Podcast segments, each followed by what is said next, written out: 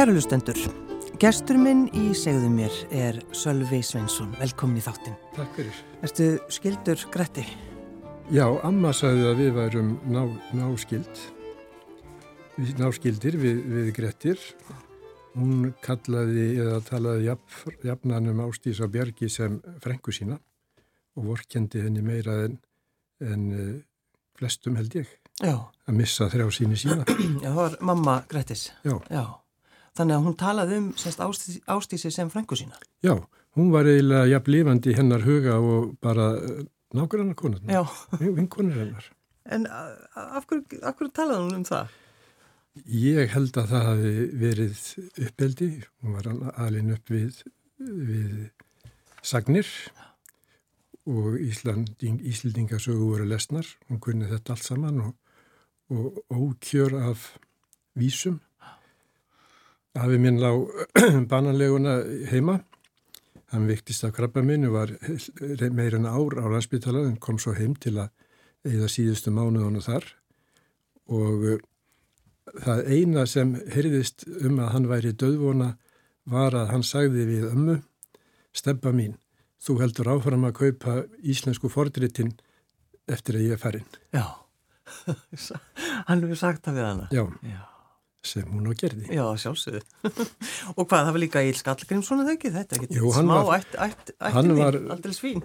Ég átti tvo frændur sem hétu Egil í æsku minni. Það var Egil Skallagrímsson sem var frændi Ava og Egil Bjarnarsson frá Uppsölum í Blöndurlýð, Já, ráðunötur og hvort tvekja snillingur. já. En eh, sko, að því ammaðinn Stefani er svona ættfróð og, og líka frendrækin eða ekki. Jú. Er, er þú þannig líka? Uh, Já, ég fekk nú eiginlega sko ofnæmi fyrir ættfræði í, í því að öll fjölskyldubóð, ég vil ekki segja þau hefði kannski list upp í stælur um ættfræði, en það var alltaf verið að tala eitthvað um ættir og fram og aftur og á þessum tíma gildi svo regla að maður mátti ekki standu frá borðinu fyrir en allir voru búnir já, og uh, og þessum... ekki með þess að krakkanir líka. Já, já, bara þurftu að já, já, já, já, já. Þannig að borðhald tafiðist oft ansi mikið út af því að ymsar ættfræði deilur voru ekki á enda kljáðar. Og var það verið að rífast um bara, Já, hvað hinn og þessi átti mörg börn og í hvaða röð og hvert þessi eða hinn fluttist milli bæja og, og svo framvegis. já, Ég mani þetta ekki og þess vegna eh, hef ég lítinn áhuga á ættfræði á mínum efri árum.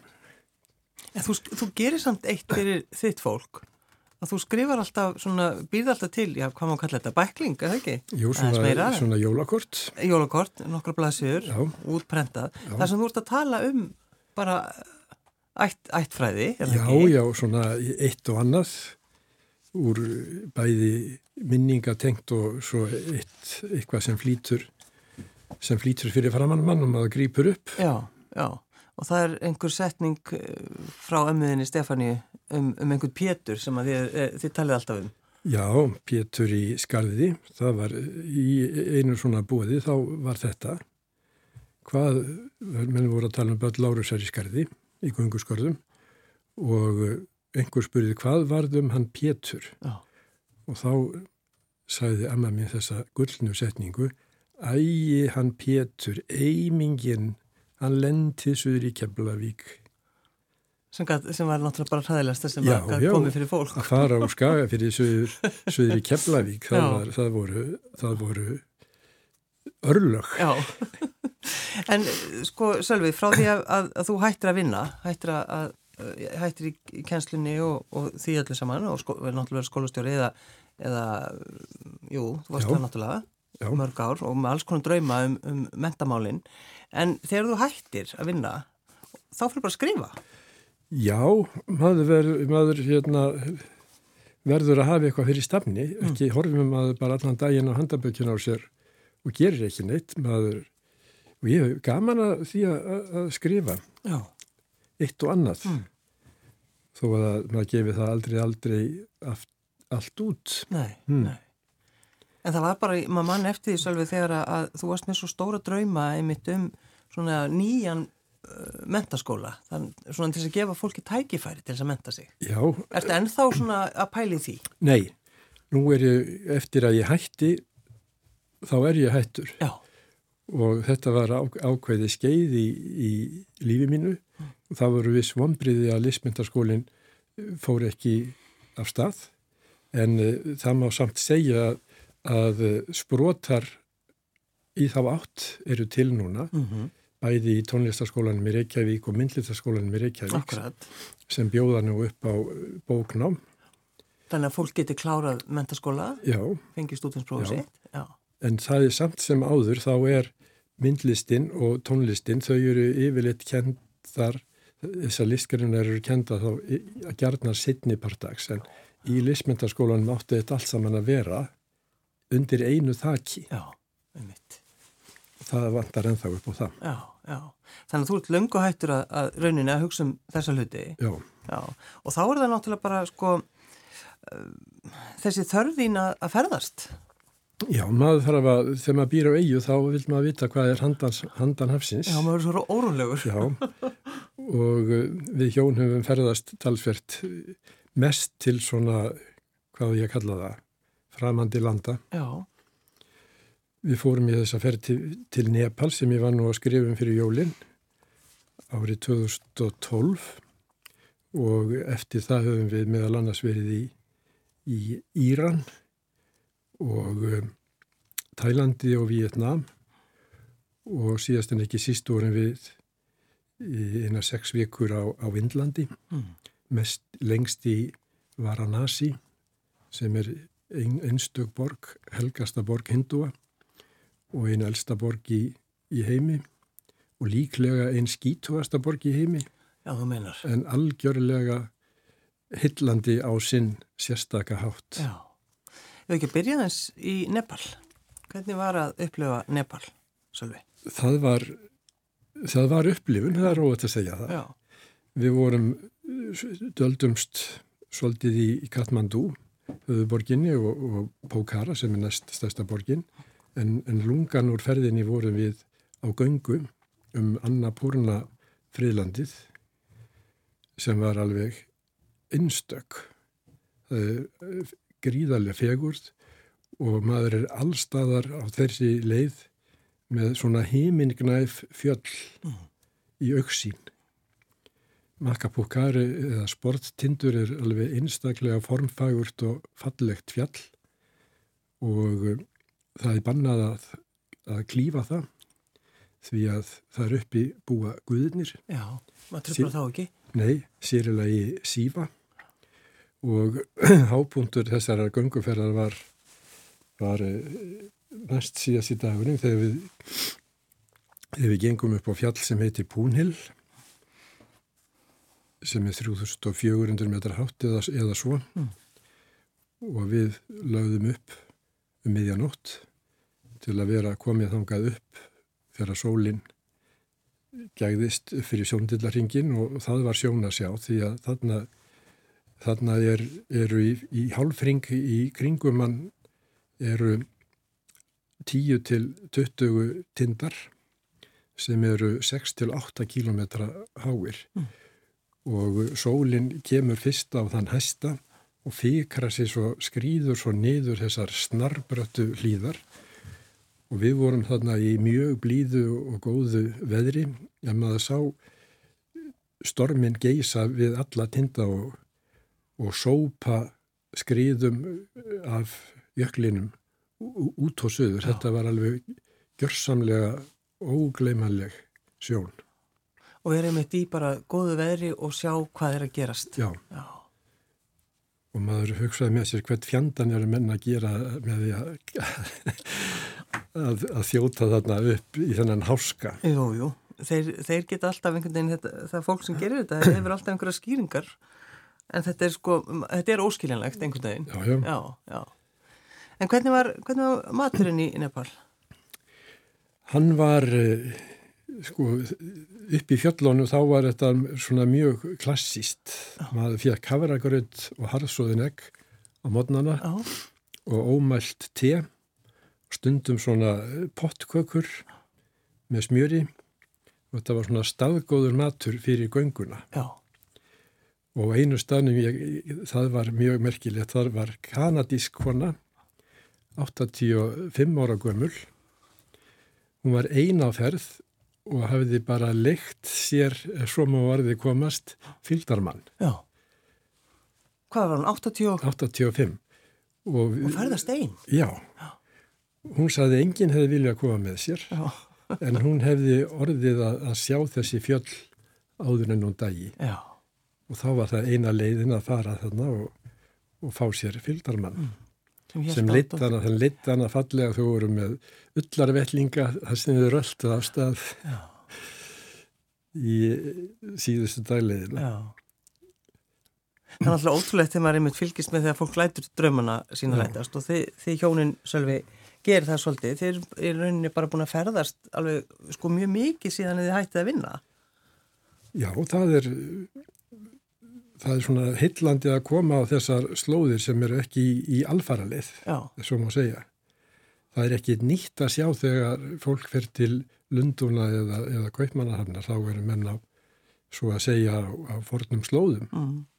En það er allt annað þegar maður kemur til landa sem eru fjarlægari, þar sem menningin er allt öðruvísi, önnur trúabröð, annað landslag, Já.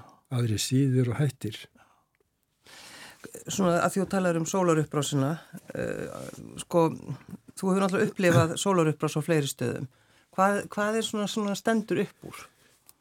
Já, fyrir utan þetta alltaf verið ekki að segja við vorum hösti 2016 vorum við að hjóla um Mekong og Solmanna í Vietnam og gistum þar hjá bændum sem voru á lítilli eigi út í Mekong og eh, ég vaknaði snemma og, og, eh, og þurfti að fara að pissa og þá var bara sólin að koma upp í þessari fullkomnu kyrð Já.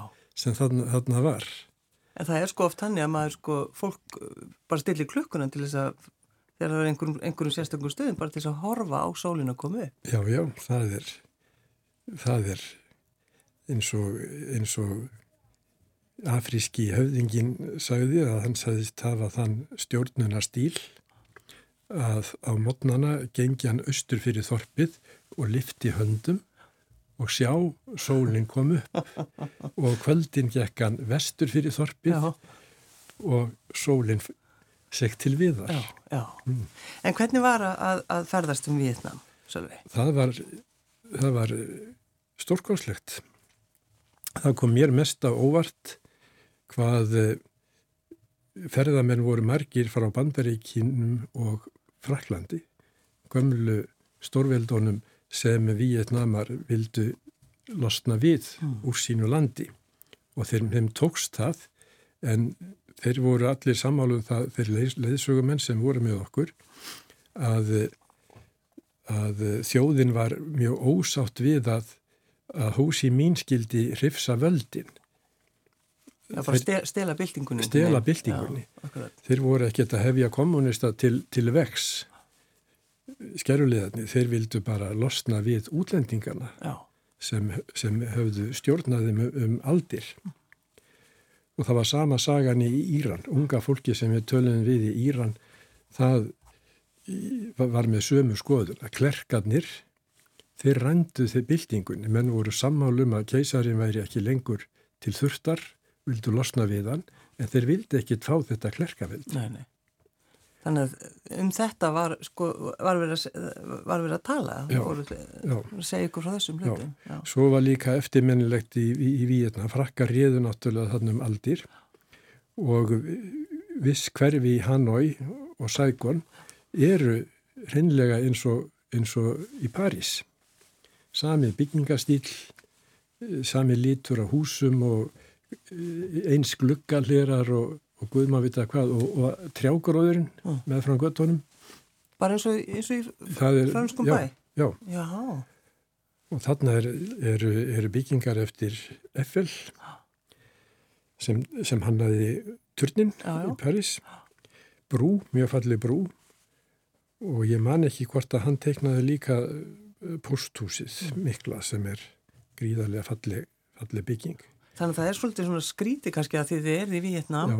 að bara vera allt í innu eins og þið séð bara á frönsku, já, já bara í París. Og uh, það var líka eftirminnilegt í henni Fornuborg Hue sem var nú einu sinni höfuborg ríkisins. Hún fór mjög illa í, í Vietnam stríðinu mm. og þar hafa þeir, þeir hafa ekki byggt þar minjar upp heldur eru þar bara grasflatir til, til minningar um þetta hörmungar stríð. Þannig að það er bara það sem voru hús og voru sprengt í loftu beð eitthvað slíkt. Já, um þar, já. En er alltaf sko þegar maður er þarna, er, getur maður alltaf séð eitthvað sem tengist Vietnamstríðinu?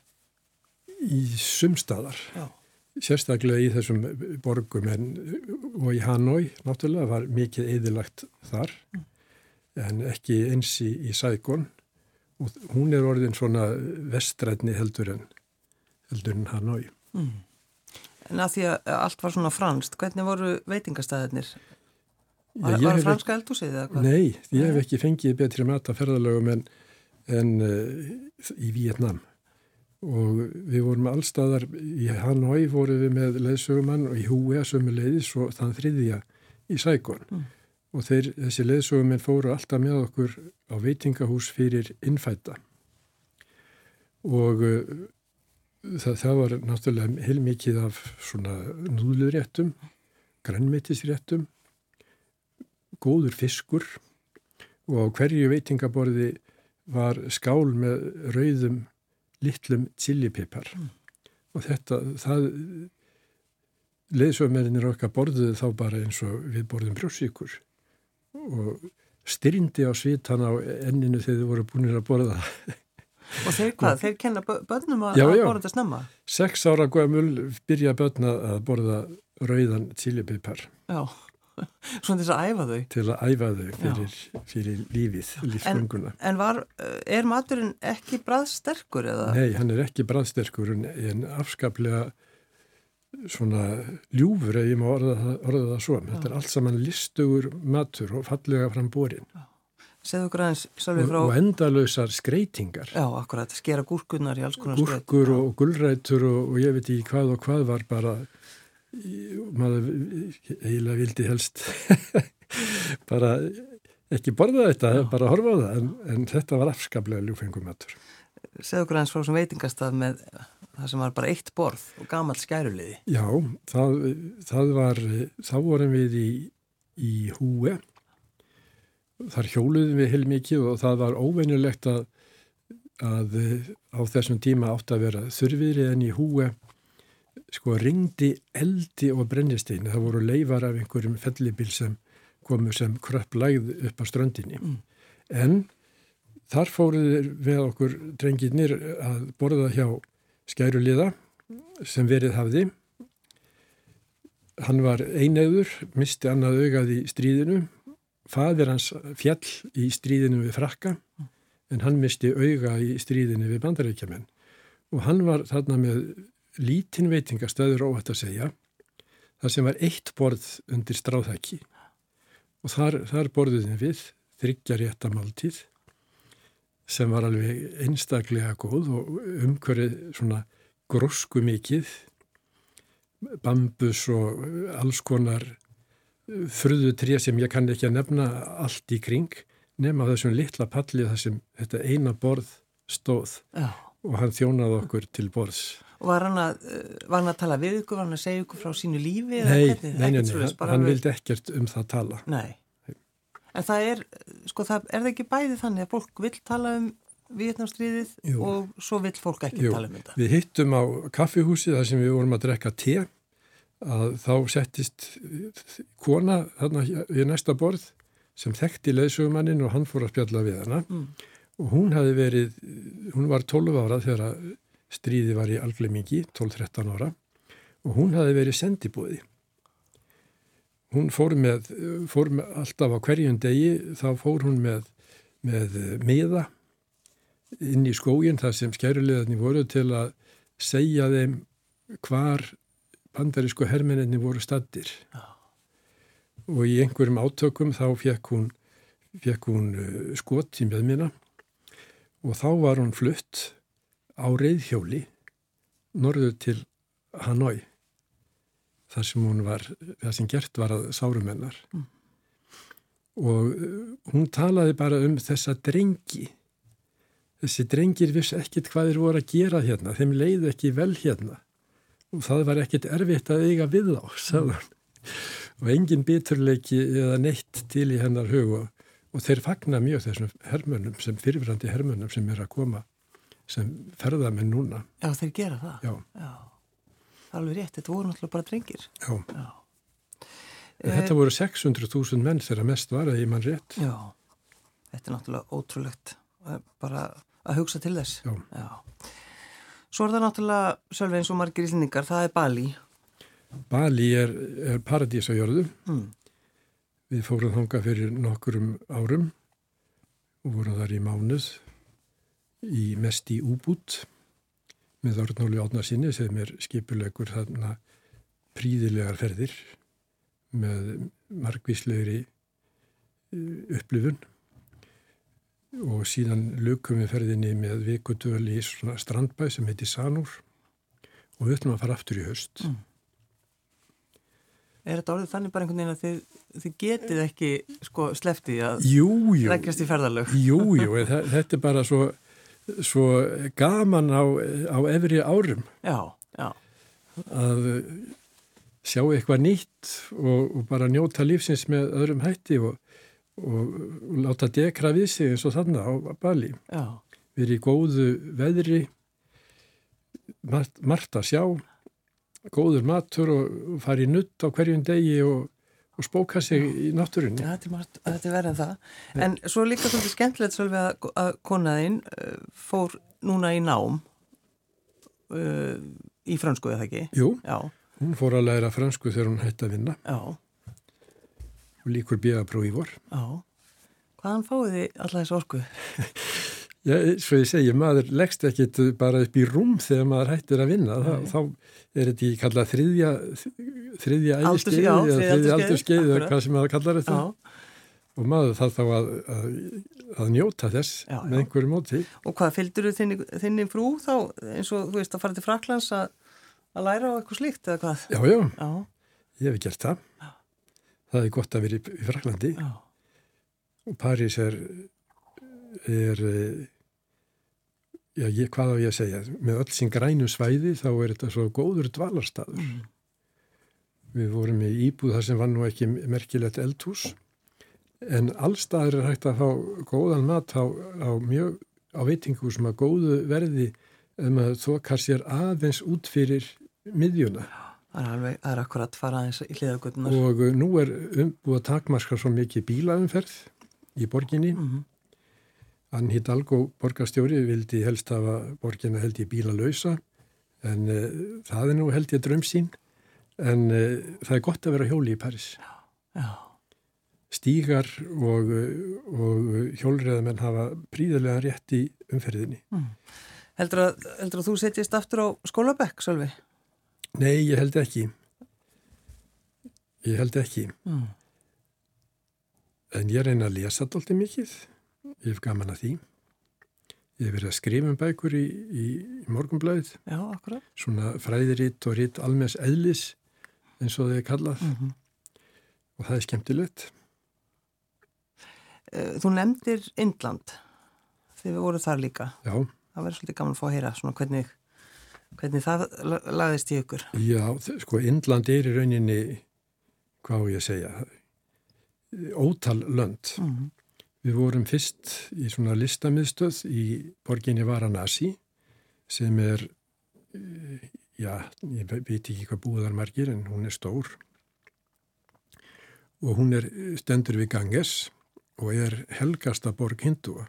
Hún er full af fátæku fólki því að borgin er svo heilög að þeir sem deyja þar, mm.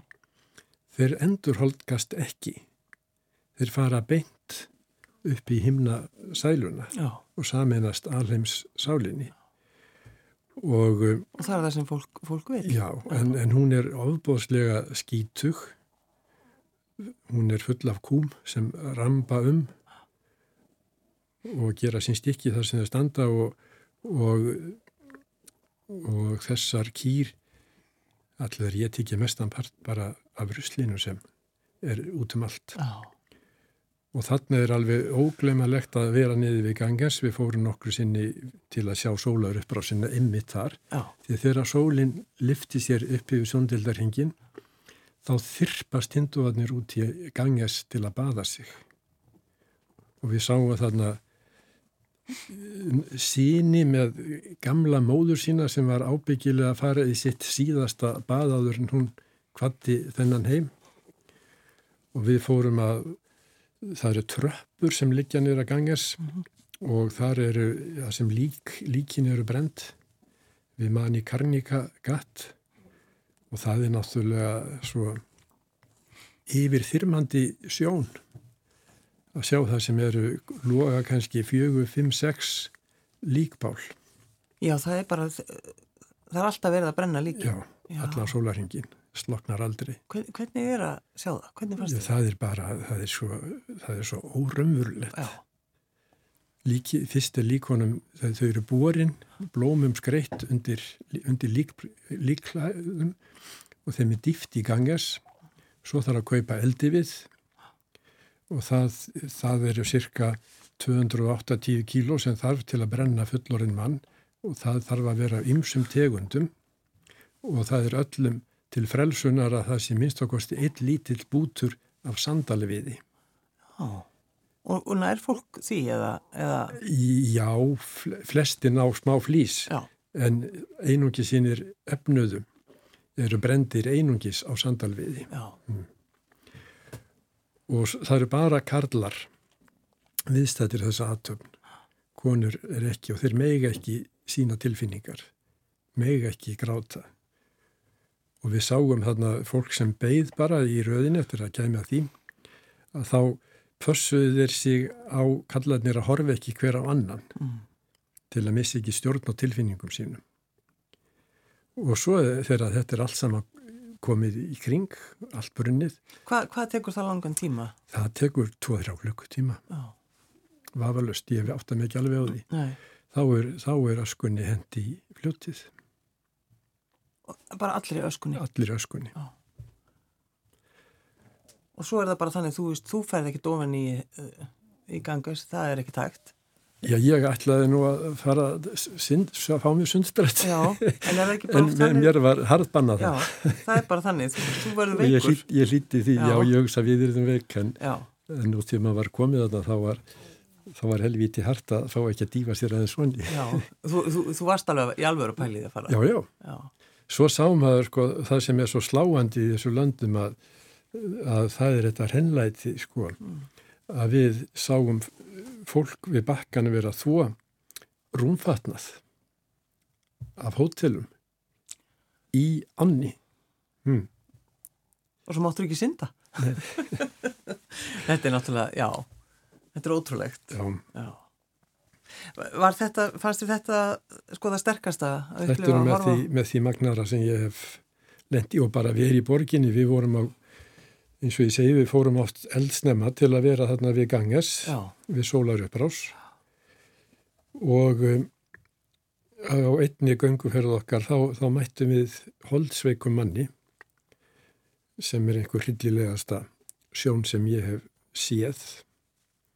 og f- gerður grein fyrir því strax að hann væri Já, hónsveikur. Já. Var hann allur út í... allur í sárum og bara uh, það var hryllingur, maður reyndi náttúrulega að horfa ekki á hann, það er dónaskapur Já, en maður komst ekki hjá því að, að lappa fram hjá Mm.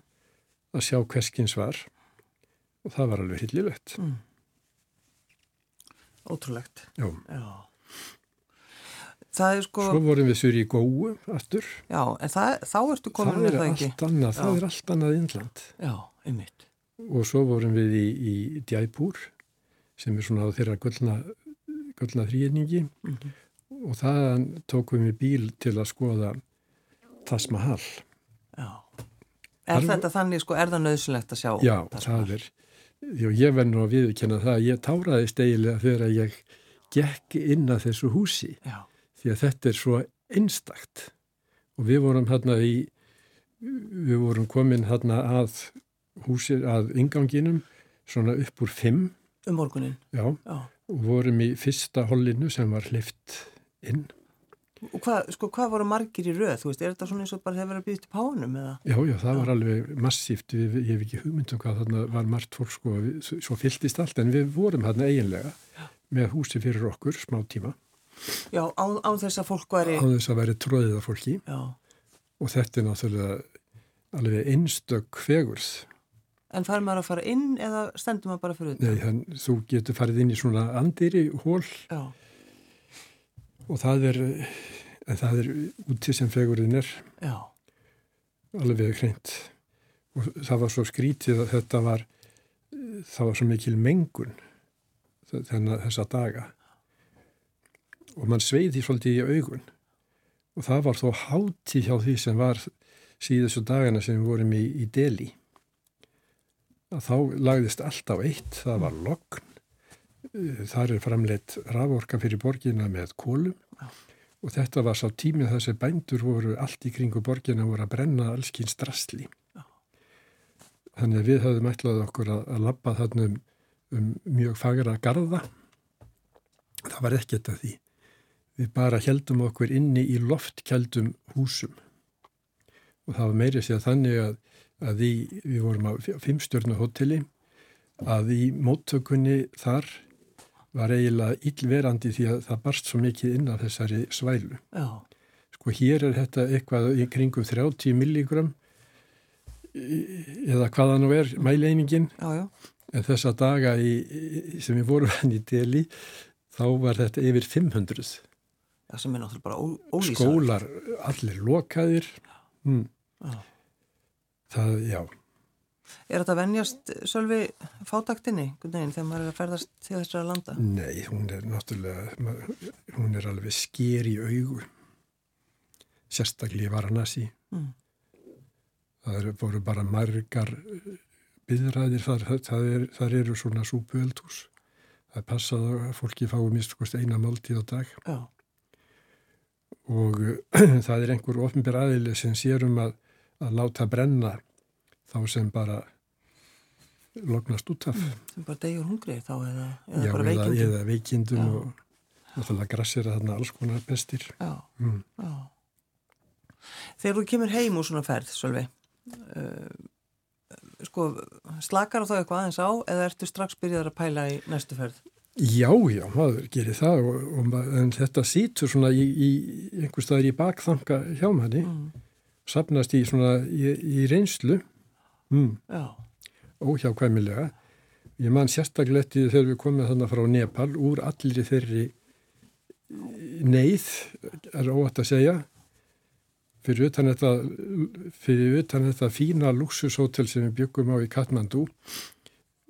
Það, þar var svona hópur af, af billínis göttustrákum og það voru, það sagði okkur leysugum aðurinn þar að væri kannski svona 12 til 1500 götuböld munnaðalus. Mm. Þau eru skítug en ótrúlega hröstleg og ekki náttúrulega fýtu arða á þeim og þegar við flögum heim í, í, í, hérna, í sæluna á Íslandi þá var verið að spila jólalög og jólakúlur hangandi í fríhjöfninni, löngu fyrir jól. Það var eiginlega nokkuð skörp lending úr allir þessari fátækt Já. að austan. Allir þessari neyð. Sölvi, ég eh, ætlaði að lefa að velja lag. Já Síglindi Kaman var Jarsungin í gæri ef ég, ef ég mann rétt. Og mér langar til að hlusta á lagið að Seithó Stefánssonar duettinans á vegamótum mm. sem þau hjón Síglindi og Sigurður Björnsson syngja Af hverju velur þetta lag? Það er bara svo skemmtilegt og það er svo fallegt og textin er svo ljómandi góður. Já. Sölvi Sveinsson, takk fyrir. Sem leiðist, takk.